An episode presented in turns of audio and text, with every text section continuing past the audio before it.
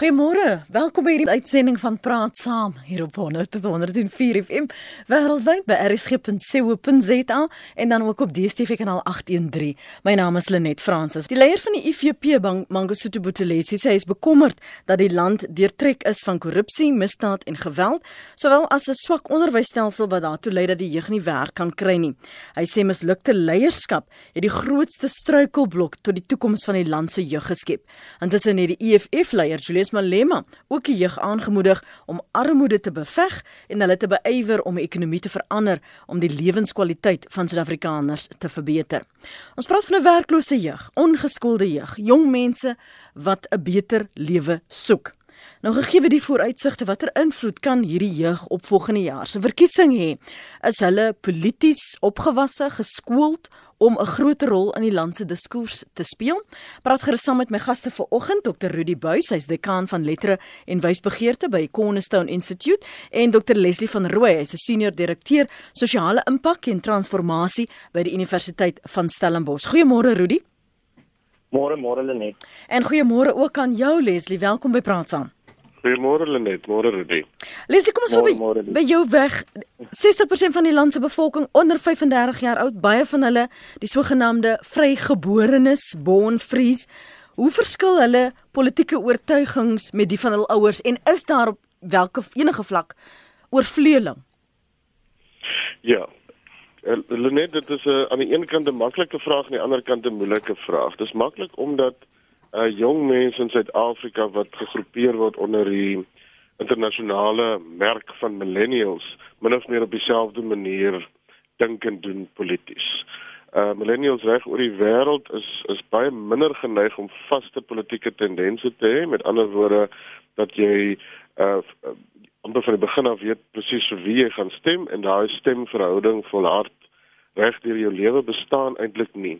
En daar's goeie data wat aandui dat jong mense in hierdie kategorie, uh met ander woorde dit is mense min of meer onder 35 tans in Suid-Afrika. Ehm um, eintlik maar eers besluit vir wie hulle gaan stem wanneer hulle by die stembus kom op die dag van uh die, wanneer jy jou kruisie trek, maak jy jou finale besluit. Hmm. Dis ook moeilik want in Suid-Afrika gegee ons ekonomiese omstandighede is nie almal in hierdie ehm um, kenmerk van millennials se besluitnemingsprosesse en so gedompel nie. Uh met ander woorde, waarskynlik net die wat 'n ekonomiese sterker posisie is, uh maak 'n finale besluit baie kort uh voor jy jou kruisie uh, trek. Die grootste gedeelte van die Suid-Afrikaanse jeug, ehm um, waarskynlik die met 'n uh, agterstand wat onderwys betref en ekonomies moeiliker omstandighede kom, die tendense daar lyk anders. Nie prentjie daar ehm um, is nie naasien by dieselfde soos wat jy dit sal kry aan die kant van die jeug wat sterk geskool is, 'n uh, goeie ekonomiese moontlikhede het, vaste inkomste het nie. Daar is die tendense interessant. Daar lyk dit vir ons volgens die nuutste statistiek veral na die naaste laaste verkiesings beide ehm um, die munisipale verkiesings en nasionaal uh dat ehm um, jong Suid-Afrikaners as ons dit vir 'n oomblik kan ehm uh, skei tussen jong wit Suid-Afrikaners en, en jong swart Suid-Afrikaners uh die tendense baie interessant is. Jong wit Suid-Afrikaners uh in die grootste getal bruin Suid-Afrikaners, Indiërs ehm um, stem nogal graag veral wit Suid-Afrikaners en daar lyk dit of daar 'n geneentheid is uh om te stem vir die party wat jy dink die grootste impak en verskil in jou lewe kan maak. Met, met ander woorde, dit is ook min of meer hoe dit internasionaal uitspeel jong swart Suid-Afrikaners veral die wat uit moeilike ekonomiese omstandighede kom is geneig om 'n tendens van of nie stem nie met ander woorde uh, ek stel nie belang in 'n politieke party nie of ek dink nie om te stem is die moeite werd nie dis hoef ek nie te stem nie mm -hmm. uh, blyk daar 'n tendens te wees en dit is as gevolg van die feit dat jy waarskynlik nie kan sien dat hierdie kruisie 'n groot verskil kan maak nie en ehm um, dat jy ehm um, waarskynlik sal stem vir die party wat die naaste aan jou beweeg. Nou weet ons nou die EFF veral onder swart jong Suid-Afrikaners 'n geweldige hoë persentasie jong swart Suid-Afrikaners getrek byna meer as 60% van uh die stem uh, geregtigdes uh wat vir die EFF gestem het is jonk onder 35 so daar is 'n aantrekking, mm. maar daai stempersentasie is geweldig laag ehm um, uh, ja, dit lyk of die registrasiekoers uh, steeds nog laag is. Met ander woorde daar's waarskynlik 'n verstaan ehm um, dat um, dit is nie die moeite werd om te stem nie. Mm. Maar dit is so klein aanduidings maar beslis so dat die uh, dat jong Suid-Afrikaners wat wel registreer om te stem en stem waarskynlik nie meer vasgevang vir lank vasgevang sal word met tendens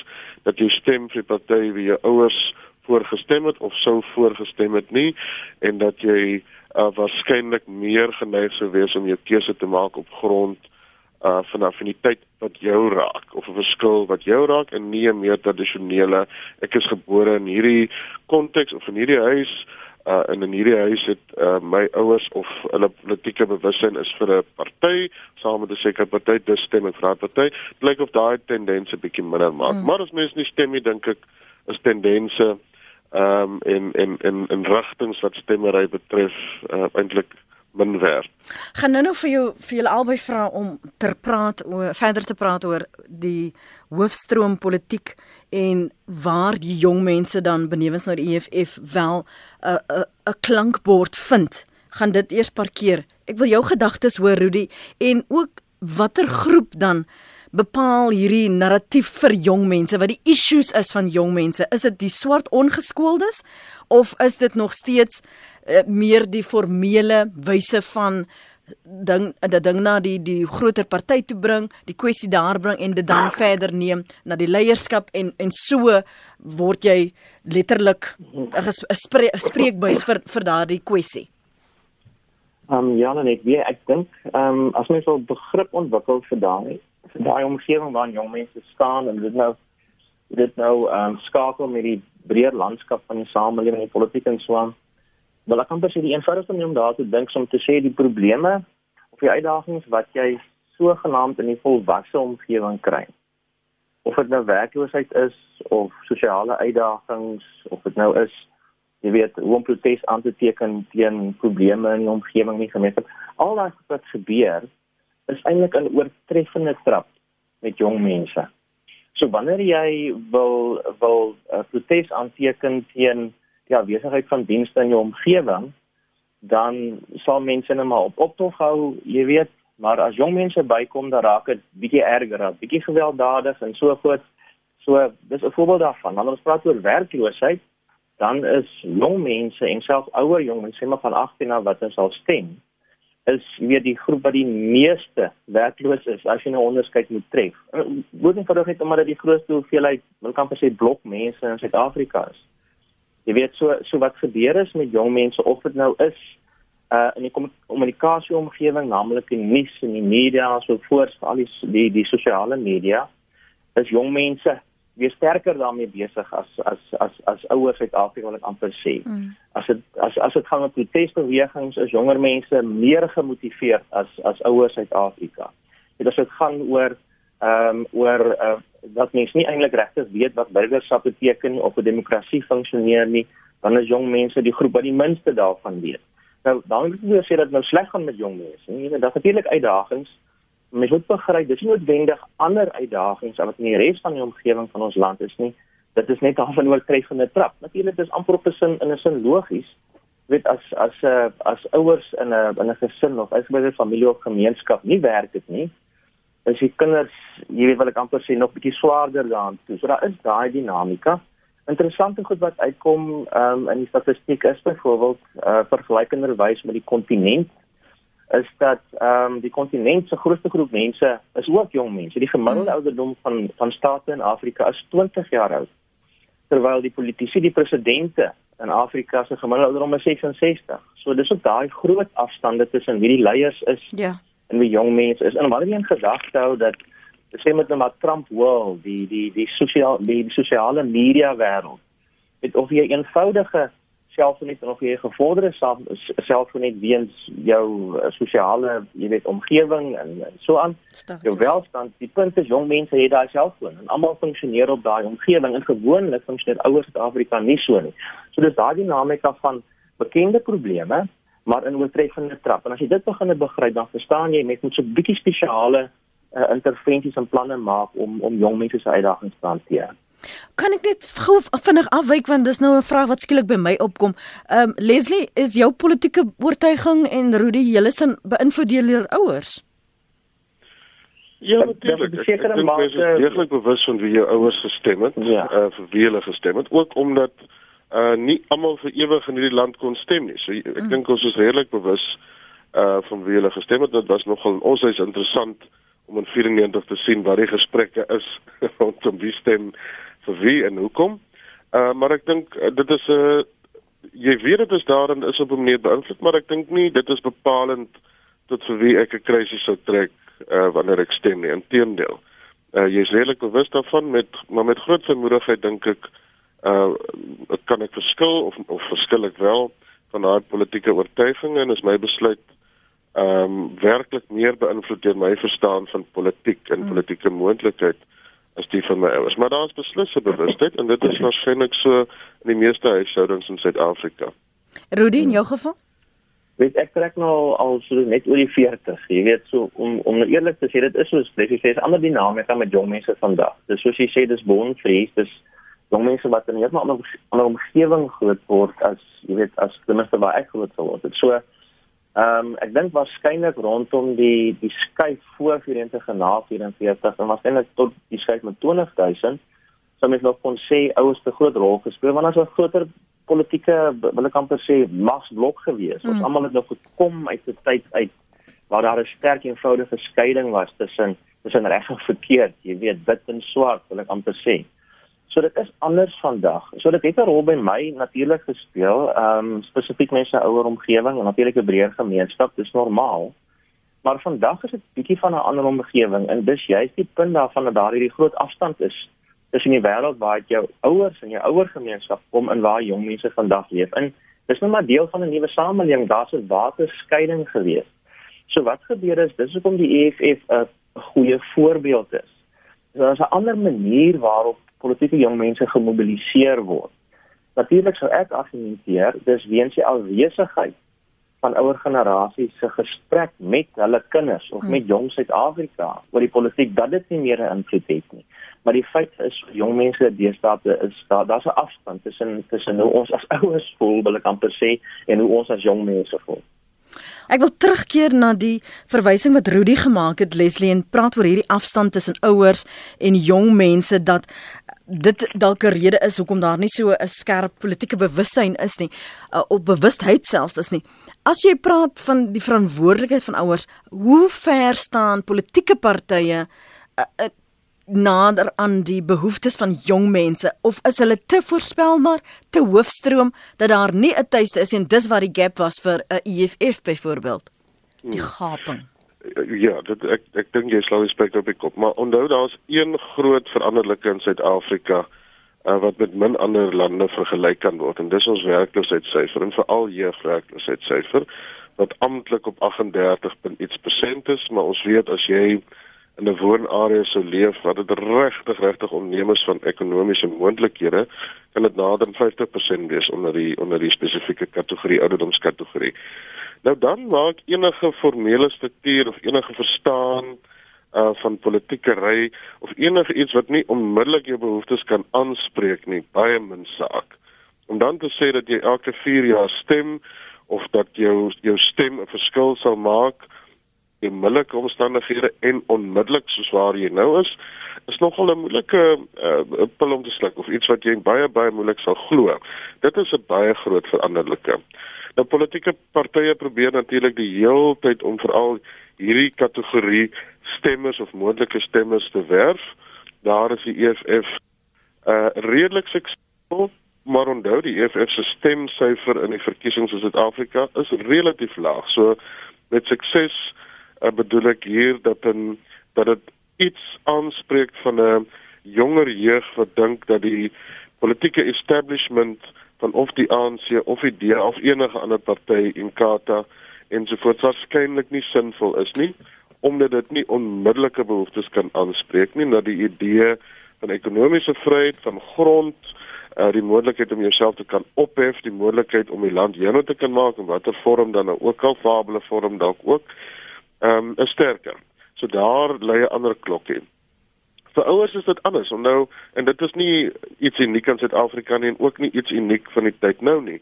Wêreldwyd stem ouer mense bo 35 as ek ouer kan gebruik, uh, stem aansienlik meer uh, as mense onder 35. Inderwaarheid hoe ouer mense word, hoe meer is mense geneig om te stem. Uh hoe jonger jy is, hoe minder is jy ongeneig om te stem. En natuurlik weet politieke partye dit.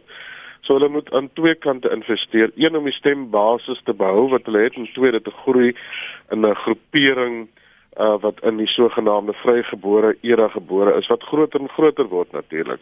So die DEA investeer geweldig daarin nie net op universiteitskampus nie maar maar verder ook om jong leiers op te lei en in posisies te kry waar die jong stem kan trek. Die EFF is waarskynlik die sterkste gefokus op daai kategorie maar veral dan nou uh, vir jong mense in ekonomiese moeiliker omstandighede met met minder van 'n ekonomiese uitkoms en middellike uitkoms. En die ANC maak staat op ou politieke affiniteit binne sy uh, meer irrelevant wordende jeugliga mm, wat probeer investeer uh, in die jeugste maar eintlik en nie so militant kan wees soos die EF nie en nie so liberaal kan wees uh, soos die DA nie en eintlik nou maar net rondploeter op soek na hulle eie moontlikhede binne die ANC. Uh, en dan natuurlik ehm um, as die werkloosheidsyfer aanhou groei of ten minste nie verklein nie, maak dit baie baie moeilik uh vir jong Suid-Afrikaners om wel deel te wil neem of te kan neem aan groter nasionale diskurse veral politieke diskurse en dan om iets te brand of om iets af te breek of om jou stem onmiddellik te laat hoor met 'n baie vinniger effek terloops 'n baie baie vinniger effek op politieke besluitneming as om ja, een keer elke 4 jaar te stem. dan kan baie meer aanloklik. Hoor jou, maar wat is dan die kwessies Rudy? Ons het die prominensie gesien met met die fees must fall toe uh, jong mense protes aangeteken het. En toe raak ons bewus van die probleem van jong mense veral op kampusse wat honger ly, wat honger gaan slaap wat nie bly pek jy het benewens die feit dat hulle nie uh, die die fooie kan betaal nie. Wat dryf? Is dit honger? Is dit honger maar wat die kwessies van jong mense in Suid-Afrika op die oomblik bedryf? ek, dink aan die een kant is dit so. Mhm. Ehm um, dan ek ek ek dink dit is meer ek dink dit is buitengewoon nie. So dis nie asof dit meer met jong mense is as met ander groepe, jy weet ouer groepe in die samelewing nie. Ek dink wat gebeur is en dis dis dis regtig my lees van die situasie op die oomblik met jong mense is. Daar is 'n uh, daar's insig. Mense sien, jong mense sien wat aangaan. En binne die politieke groeperings rondom partye is daar verskillende strategieë om te reageer daarop. So byvoorbeeld as jy as as jy sien die politieke leiers tree in eie belang op, dan kies verskillende groeperings binne jong mense om anders daarop te reageer, maar daar is reaksie daarop.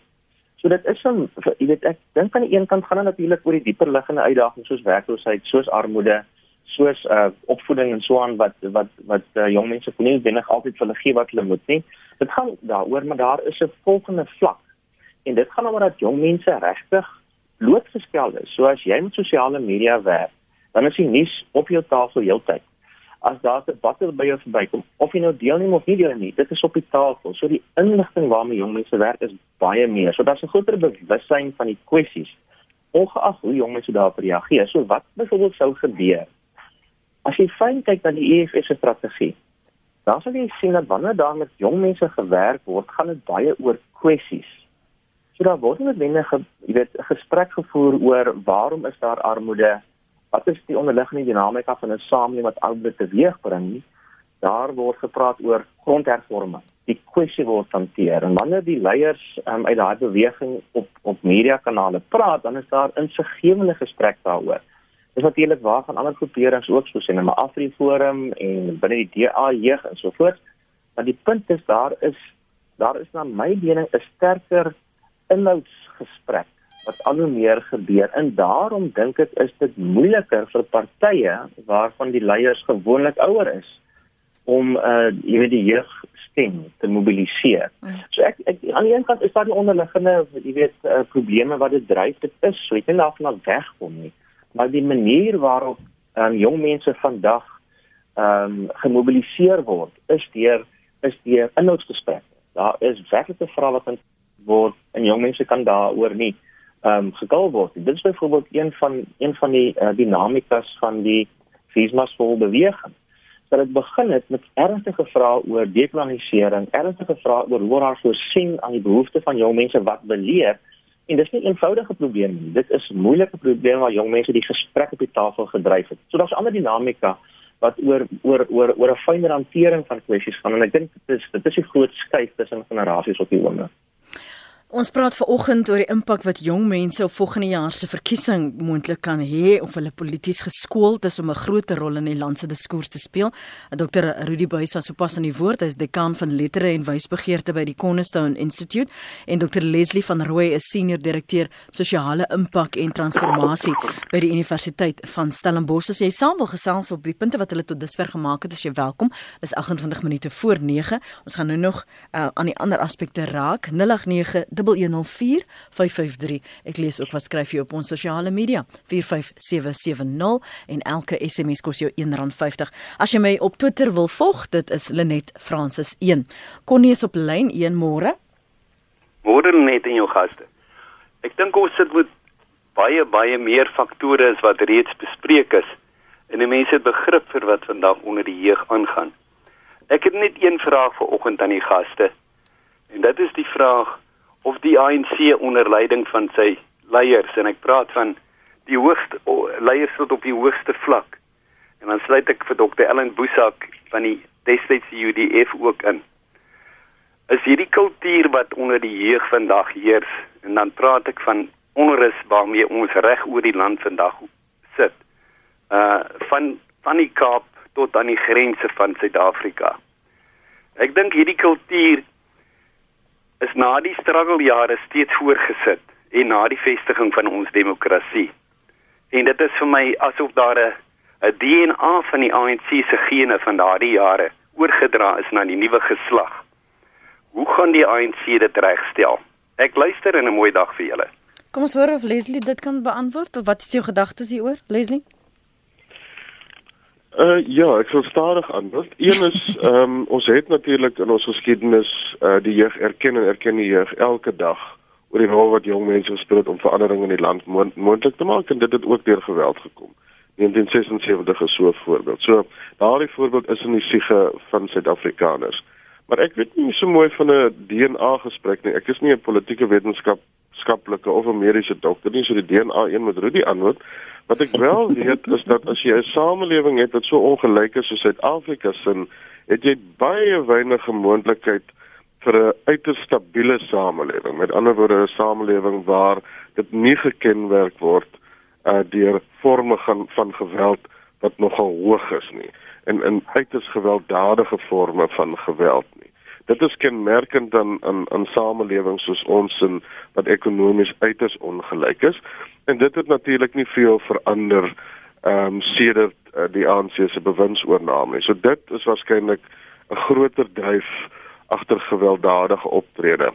Nou nie een van ons is waarskynlik in die posisie ten, ten minste ek en jy en Rudy om te kan sê hoe dit moet voel om vandag in Suid-Afrika 22 te wees uh in 'n verarmde township in Suid-Afrika te bly waar jou moontlikhede vir werk of vir goeie skoling, 'n uh, goeie onderwys, goeie gesondheid, uh jou eie ekonomiese moontlikhede van so 'n aard is dat jy dink die uh, jou wêreld in die wêreld kan aansienlik beter wees oor 'n jaar of twee van nou af nie. As jy jouself vir 'n oomblik in daardie omstandighede in kan dink en dit is eintlik nie vir ons moontlik nie, mm -hmm. sal jy baie maklik besef uh dat jy jou baie min gaan steur aan 'n politieke DNA van Ellen Boesak uh dat jy probeer optree soos hy sou optree. Dit maak baie min sin. Mm -hmm. Wat wel sin maak is dat jy vandag op 'n manier moet oorleef, maar nie net moet oorleef nie, dat jy in 'n ongelyke uh, samelewing leef waar oorkant jou buurt of aan die ander kant van die dorp waar jy bly, mense van jou ouderdom so leef uh dat die lewensomstandighede van so oud is dat jy dit op 'n manier wil hê, dat jy op 'n manier ook dit wil hê. Daai drang of verstaan dat ek dit moet hê versus ek kan dit nie hê nie, veroorsaak 'n totaal nuwe uitkyk oor hoe jy dink uh oor stabiliteit, waarskynlik ook hoe jy dink oor geweld, hoe jy dink oor jou eie toekoms en hoe jy dink oor die moontlikhede uh van ander om jou. Dit dink ek is 'n groot uitdaging.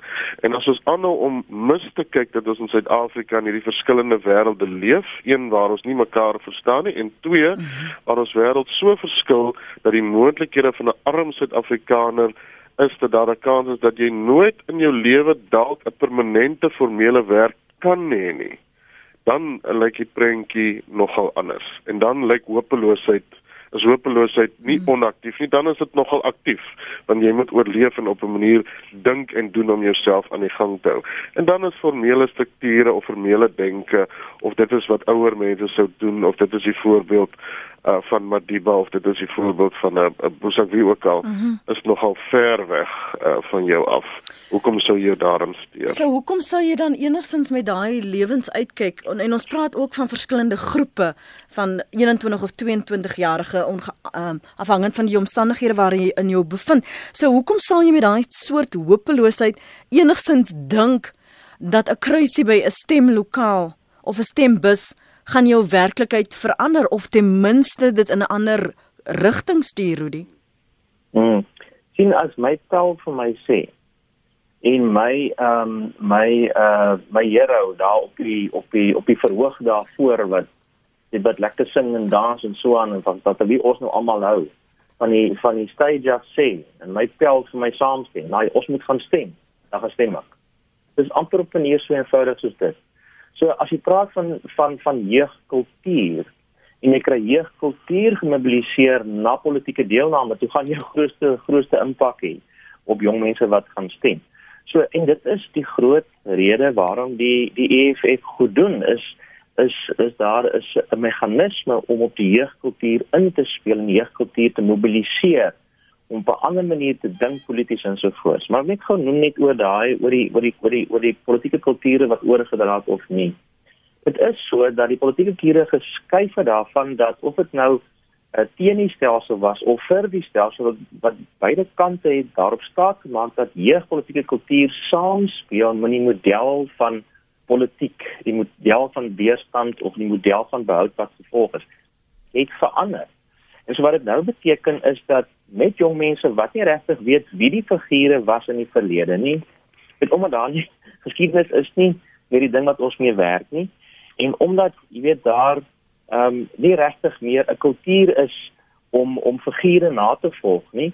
Jy weet maar liewers om jou media heroes te volg, is dit net sodat jy nie meer kan dink wat in die verlede gebeur het van vandag geld nie. So daar is na my mening nie 'n DNA kwessie polities binne die ANC nie. Daar is iets anders aan die gang en dis waarom jy een kant en sal kry van die jeugliga in sekere kwessies byvoorbeeld teenoor die ANC. Ehm um, die groot ding is dat dat pogings vir nuwe partye wat dis al in die land afvore getree het. Ons sal nou onthou Cope en hmm. uh, in die Independent Democrats in Agang as ek nou reg onthou. Ja. Yeah. Het nie noodwendig geslaag nie maar die een wat geslaag het tot dusver is die een wat op jeugkultuur ingespeel het en dit gemobiliseer het op 'n manier. Nou toe gegee dis nie regtig by duidelike persentasiepunte in terme van stemme wat kom op die oomblik nie maar is 'n mobilisering van jeugkultuur in dit in dit in, in dit self is by so ek wil amper regtig sê al kry die partye op die oomblik wat wat die groot steendraad nie regtig baie vir my reg as 'n jong mens ek sit nog maar waar ek sit weet ek maar jene weer as as ek in my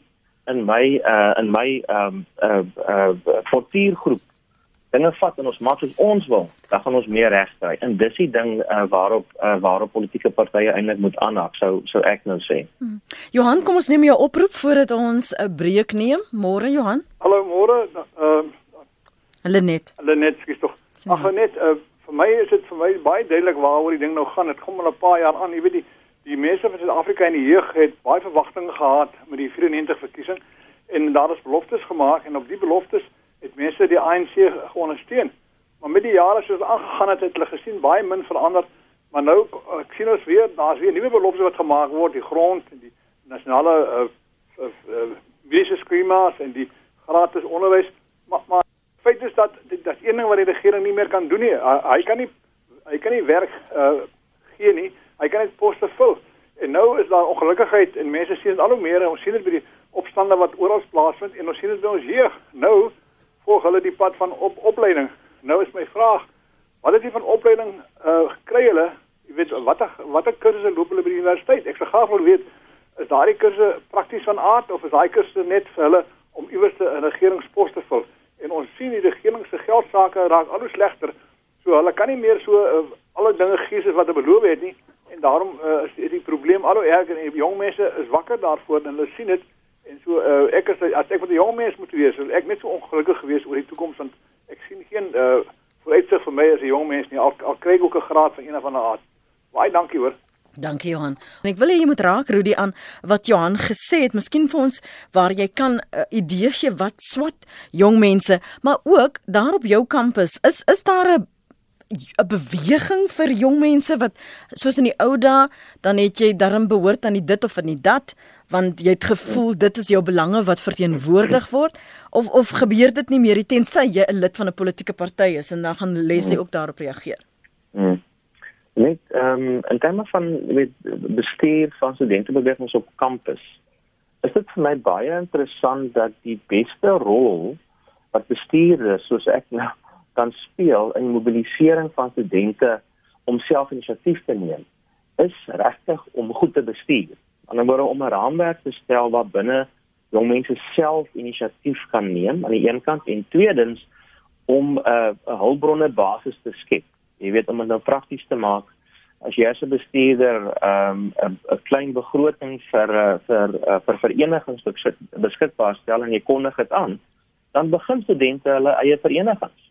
So daar is daar is 'n manier waarop waarop ons op kampus omgewings bestuur dat jong mense inisiatief kan neem en my en wat normaalweg gebeur. En dis werklik wat ek sien is dat studente die geleentheid aangryp. Nou daai bewegings is is nie noodwendig polities, partypolities gefokus nie. So politieke partye sal 'n normale jeugtakke begin op uh, op kampusse. Ehm um, en en dan politieke drywighede doen, jy weet, uh, vergaderings hou waar daar politieke besprekings is, jy weet as verkiesings naby kom, uh veldtogte begin en so, maar die oorgrootste verenigings wat studente begin, het te doen met kuns en kultuur. Jy weet uh wat bevordering van van regtig kuns en kultuur is, jy weet wat nie die wat nie die groot sosiale geleenthede is nie, maar werklik Ehm um, jy weet hoe jy kore laat sing en so voort wat regtig baie opwindend is. Aan die ander kant is daar baie organisasies wat met gemeenskapinisiatiewe werk. En dit is 'n baie positiewe teken wat ons op kampusse sien, dat daar regtig 'n groeiende bewussyn is van uitdagings in plaaslike gemeenskappe en betrokkenheid. Of dit nou is om jong mense op skool uh, te help tutor of dit nou is om op of uh, om ouer mense te help leer lees. Jy sien baie meer van dit. Natuurlik baie ander verenigings ook, maar dis twee groot bewegings wat wat wat ek sien wat regtig wat regtig iets sê van 'n kreatiewe gees, jy weet, wat eintlik 'n hoopvolle oomblik is as as jong mense kan kultuur kies aan die ander kant die hoopvolle oomblik van dat jong mense 'n verskil kan maak waar hulle kom. So, maar dis nou op kampusse, jy weet, en op kampusse werk jy met jong mense wat gekwalifiseer het vir hoër onderwys, wat 'n beurs gekry het of 'n manier befonds gekry het om daar te wees. So dit is 'n groep mense wat meer bewus sal wees van.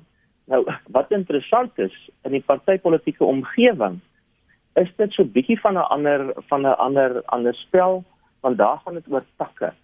So wanneer jy dink oor 'n politieke party tak op 'n kamp, dan gaan dit oor oor presies net die regte hoeveelheid lede om 'n tak te vestig sodat die uitvoerende komitee poste kan kry in die politieke party. So hmm. binne die par politieke party omgewing is daar werklik nie so groot uh uh poging om regtig massas lede te werf nie kom die EFF EFF 'n unieke geval is. Dit gaan oor massa uh, mobilisering, maar normaalweg in groot partye gaan dit baie oor hoe die leiers van takke hulle self mobiliseer in die jeugomgewing om te kan vorder in die partye. Nou dis 'n ongelukkige ontwikkeling, maar dit maak my nie moedeloos nie, want die punt is die politieke bewussyn in in in ander verenigings lei studente om verskil te maak in die samelewing. Wat ons moet regkry is om 'n koneksie te maak tussen burgerskap, hoe demokrasie werk en hierdie inisiatiewe van jong mense. So ek sien dit op kampus en ek sien dit op verskillende kampusse en dis 'n baie goeie teken. Mm. Lesie voor ek by jou kom want ek het gehoor wat sê professor Deon Robbenheimer, môre professor. Goeiemôre net baie dankie vir die geleentheid. Weet jy, ek wil wegtrek deur vir jou te sê dat ek is van opinie want ek hoor baie dat daar word gesê ons het 'n ongelooflike ongelykheid in die land uh die Gini faktor is so en die Gini faktor is so. Daar word gesê daar's te te te te veel arme mense. Ek is van opinie daar's te min ryk mense.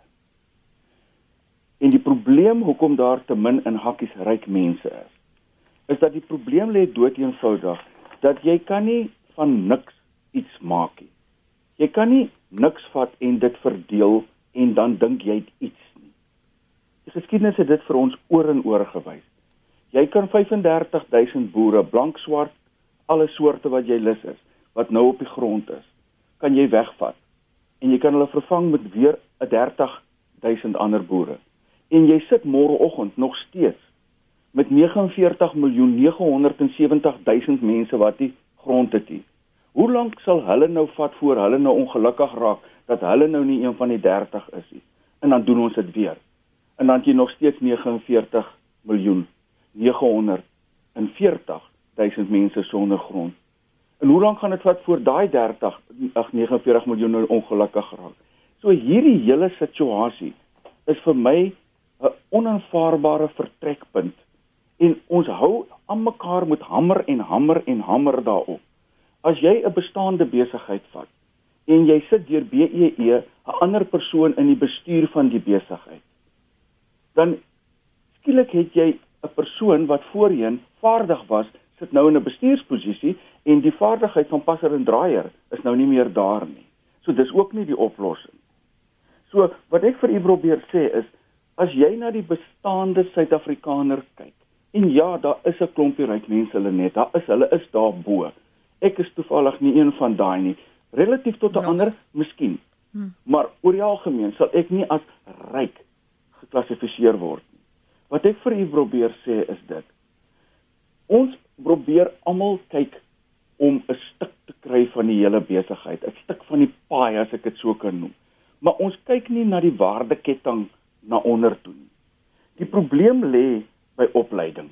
En ek sê nou vir u dat ek kom uit die universiteit uit, ek is 'n fisikus van beroep, ek het voortydig geloop. Die rede hoekom ek dit doen, is dat ek glo nie in die stelsel nie, want die universiteite en die opleidingsstelsels is gediskonnekteer van die samelewing. Hmm. Elke tweede persoon loop met 'n graad, met 'n hmm. PhD in fisika en ons weet nie wat om daarmee te maak nie. Die hmm. oplossing vir my lê dood eenvoudig daarin dat ons moet die wat in die ekonomie staan, die besigheid, die mense wat besighede dryf, dis baie baie spesiale mense daai. Ons kan nie deur wetgewing probeer om daai mense se bestuur en die eienaarskap van 'n besigheid te probeer verander deur 'n BEE wetgewing, want wat maak daai persoon dan? Daai persoon verdwyn in die niet Hy wil nie investeer nie. Hy's bang om die harde geldjies wat hy hard voorgewerk het nou ook op die mark te gaan en dit te gaan mors. Ek sê vir u dat die antwoord lê daarin. Jy kan nie dieselfde koek opdeel in kleiner en kleiner en kleiner stukkies nie want niks gedeel deur baie is min. Mm. Inteendeel dis niks. Ons moet meer koeke bak. Ons moet meer brode bak. Ons moet mense oplei in Suid-Afrika wat vaardighede het wat kan gaan werk in die industrie en 99% van ons gaan wat ons noem Indians wees en nie chiefs nie. Hmm. En ons moet as Indians werk, ons moet ons hand aan die ploeg slaan, ons moet ons skouer teen die wiel sit en ons moet begin om meer koeke te bak. As ons dit nie doen nie, dan sien ek 'n baie slegte prentjie, maar ek sal hom nog 'n kans gee. Maar opleiding is die antwoord en sogenaamde waardeketting of downstream economy is die antwoord. Elke persoon wat uit die universiteit uitkom, het die studente met wie ek gewerk het. Hulle almal verbeel hulle hulle is een of ander baas van 'n ding. Ja. Hulle wil almal instap in hoë posisies. En dan word vir hierdie mense en ek gaan die woord berig gebruik. Deur die politici word dit gelieg vir hierdie jong mense en vir hierdie kinders. Weet jy, hulle het geen idee hoe die lewe werk nie. Hulle verstaan nie dit nie, maar hy het hom die PhD en nou wil hy skielik die baas wees. Ja, ek is dan nie die baas na al die jare van my lewe. Was my rektor was my laaste rektor wat ek gehad het. Die vorige's was swart, die laaste een is bruin. Ek het geen probleem daarmee nie. Ek wou graag direkteur word, maar ek het ek het dit nie gemaak tot daan nie. Maar ek is tevrede met dit. Maar ek het hard gewerk hier in die onderkant. Maar ek sê vir u uh. dat die akademie is gediskonnekteer van wat aangaan in Suid-Afrika en die politici jok vir die mense. Hulle jok vir die jong mense en dit is tyd dat hierdie ding moet reggestel word. Professor moenie weggaan nie. Jody gaan jou oproep terugneem. Ek en Jody het nou sommer vinnig gepraat oor hoe ons uh, met julle drie weer in die toekoms uh kan gesels oor hierdie disconnect want ek dink dis mense kan nie daarvan wegkom nie. So Jody gaan ja. professor se se besonderhede kry. Leslie, jy gaan nou vir ons afsluit, maar tog asseblief daaraan raak want as dit so is soos ehm um, Dion Robbenhaven beweer, dan weet ek nie hoe ons enigsins 'n impak op 'n verkiesing kan hê en verwag jong mense moet daaraan deelneem nie. Ja, ek dit is 'n baie meer komplekse mm -hmm. antwoord as ja. wat die een so wat ek nou kan gee in hierdie tyd net. Ek dink mense moet baie mooi gaan kyk na die statistiek rondom die opname van gegradueerdes by universiteite in die land na indiensopleiding na na 'n uh, uh, oorbruggingsfase tussen universiteite en die werksomgewing en daar's uitstekende modelle en programme daarvoor. Ek is nie so bekommerd daaroor soos die professor nie. In, in feite ek dink van die die voorbeelde wat hy genoem het is waarskynlik so spesifiek tot sekere ervarings dat dit eerder nie as generies gebruik moet word nie. Ek dink 'n groter kwessie uh is vaardigheidsontwikkeling in 'n konteks van swak onderwys. As ons dink aan die uh, in enige nuwe werksrevolusie, die een wat ons nou oor bekommer is in in wat praat is die vierde uh noem dit nou maar ekonomiese revolusie, uh vierde industriële revolusie. Uh dan gaan dit oor ander vaardighede. As jy sekere basiese vaardighede nie het nie, dan is jou deelname in daardie ekonomie amper uitgesluit. Dit is 'n groter bekommernis. Hier ook dis so groot dat selfs die ANC op sy beleidskonferensies oor die vierde industriële revolusie praat. Dit dink ek is 'n baie meer sinvolle gesprek oor vaardigheidsontwikkeling om te hê eerder as die ou doodgewone indiensopleidings uh, gesprekke. Daaroor dink ek moet onderwyskundiges verder besin. Hmm. Baie dankie vir julle tyd vanmôre. Wil jy nog iets bygevoeg het Rudy want ek het jou ge mm, mm daar in die agtergrond. dankie net. Jy weet net miskien prakties. Ehm um, vir vir luisteraars. Jy weet die waar dit neerkom so ek sê mens moet net die, die kans uitkyk. Waar kan jy met jong mense nou gesels oor volgende jaar se verkiesing en die betekenis daarvan? En nie praat daaroor nie, luister daaroor en dan praat daaroor want dan kom goed los in in en kan jy invloed hê op jeugkultuur. So eenvoudig soos dit. Voer die gesprekke ouer met jonge. Mm. Dankie Dr. Rudy Buys en Dr. Leslie van Rooi um, vir julle beskikbaarheid vanoggend hier op Praat Saam.